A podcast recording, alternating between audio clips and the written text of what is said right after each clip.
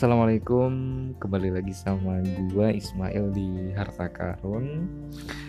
Ya, kita mau cari hikmah, kita mau gali hikmah berburu harta karun, pokoknya cari emas, perak semuanya. Tapi sebelumnya ingat, pikiran kita harus fokus, kita harus punya hati yang lapang, biar hikmahnya itu bisa masuk, hartanya bisa masuk. Ya, karena mahal harta karun itu, gak murah. Dan ini nutrisi buat jiwa kita hati kita. Semoga bisa bermanfaat. Ya gue pengen cerita sedikit tentang pengalaman gue ini tentang memimpin dipercaya dan bertanggung jawab. Jadi setelah sejenak menoleh ke belakang alhamdulillah wa innalillah ternyata Allah beberapa kali menitipkan kepercayaan sama gue mulai dari menjalankan organisasi mengawasi kinerja anggotanya sampai membangun sebuah organisasi. So, soal posisi pernah dulu ketika duduk di bangku kelas 10 menjalankan dan memimpin tiga organisasi sekaligus.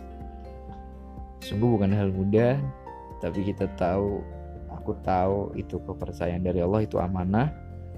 Kita coba berusaha menjalankan aja sebaik-baiknya walaupun ya dengan semua kurang lebihnya ya masih banyak kurangnya gitu kan tapi memang banyak hal yang gue pribadi bisa ambil mulai dari gue harus kebia adaptasi kebiasaan baru belajar gimana caranya manajemen waktu bahwa setiap detik itu berharga mengasah pikiran kita, fokus kita, melapangkan hati untuk menerima semua kenyataan.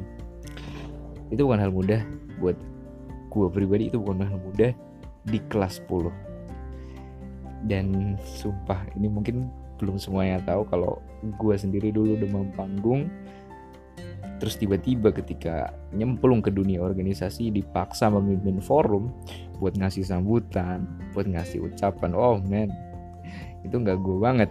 Bahkan dulu gue pernah di kelas 3 SD ditunjuk sebagai perwakilan lomba pidato waktu itu berdua perwakilannya. Perwakilan kelas ini lombanya di sekolah ya ini lomba di sekolah. Di sekolah yang nonton teman-teman gue sendiri ada kelas kakak kelas. Gue baru salam. Langsung buir total gue gemeteran keringetan keringet dingin. Ah. Habis itu gue langsung salam lagi turun. Gila nggak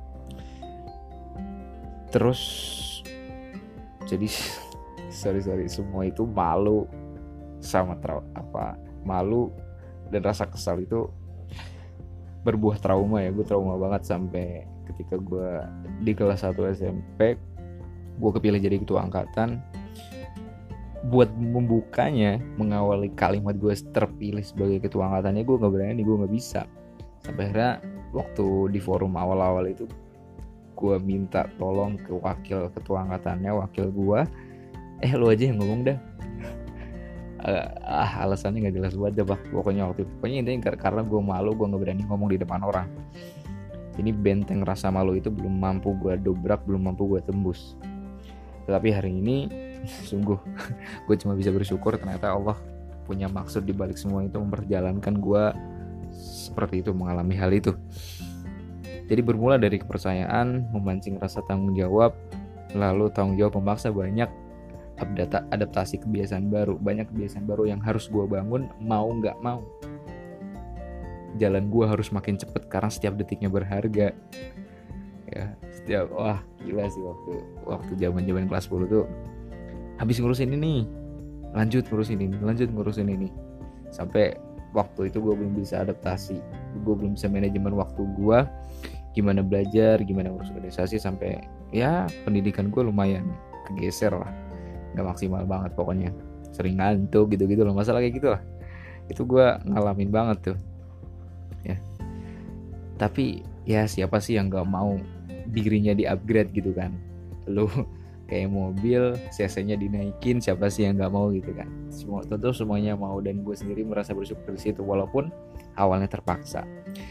Jadi menjaga kepercayaan lu memilih untuk bertanggung jawab berarti lu sama aja membeli lelah letih capek dan semua paket-paket yang gak enak.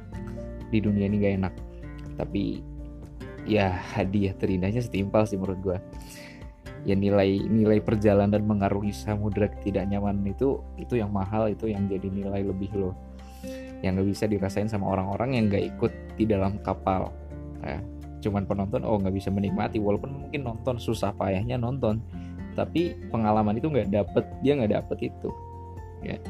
Jadi tentang kepercayaan dan tentang tanggung jawab lu harus paham artinya sehingga nanti lelah itu lu bisa rasain itu nikmat gitu kan. Capek capek itu nikmat gagal gagal itu nikmat lu bisa rasakan itu ketika lu paham esensi dari kepercayaan tanggung jawab.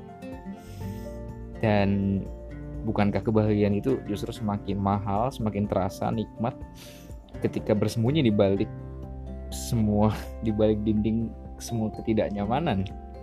Ketika lu nggak nyaman bahagianya makin gede. Ketika semakin sulit ketika lu berhasil melewati makin bahagia lu. Coba gini lah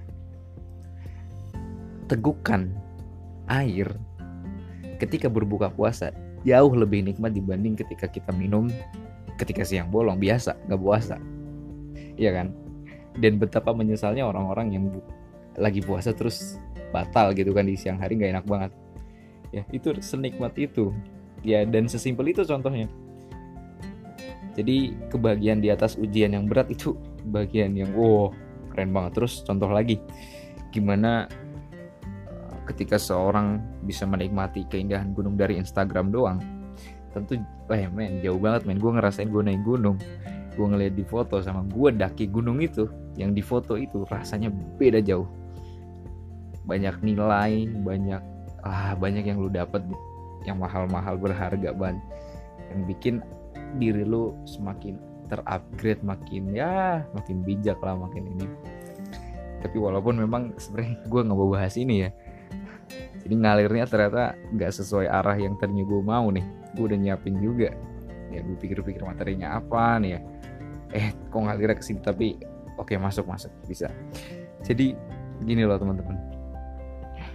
Ya gue juga masih proses. Ya gue juga butuh doa lu semua semua. Butuh support dari lu semua.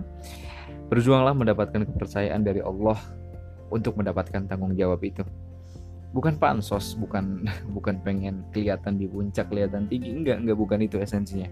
Tapi justru ya ini ini yang paling penting. Langkah pertama itu cukup berat. Ini ini nih tanggung jawab kita sebagai hamba dan bagaimana kita bisa menjadi hamba yang bertanggung jawab. Itu poinnya dan jangan jangan tolong jangan tanya. Terus kita mulai dari tanggung jawab yang mana udah tanggung jawab mulai dari diri lu sendiri. Gimana lu ngurus hidup lu itu tanggung yang pertama harus lu urusin. Apakah mudah? Ya jalani aja dulu. Udah pokoknya lu libatkan Allah paham paham sempurnakan pemahaman lu tentang kehidupan lu di dunia nanti dibantu sama Allah. Mungkin itu aja dari gue see you next time. Terima kasih. Wassalamualaikum. Pantengin terus harta karun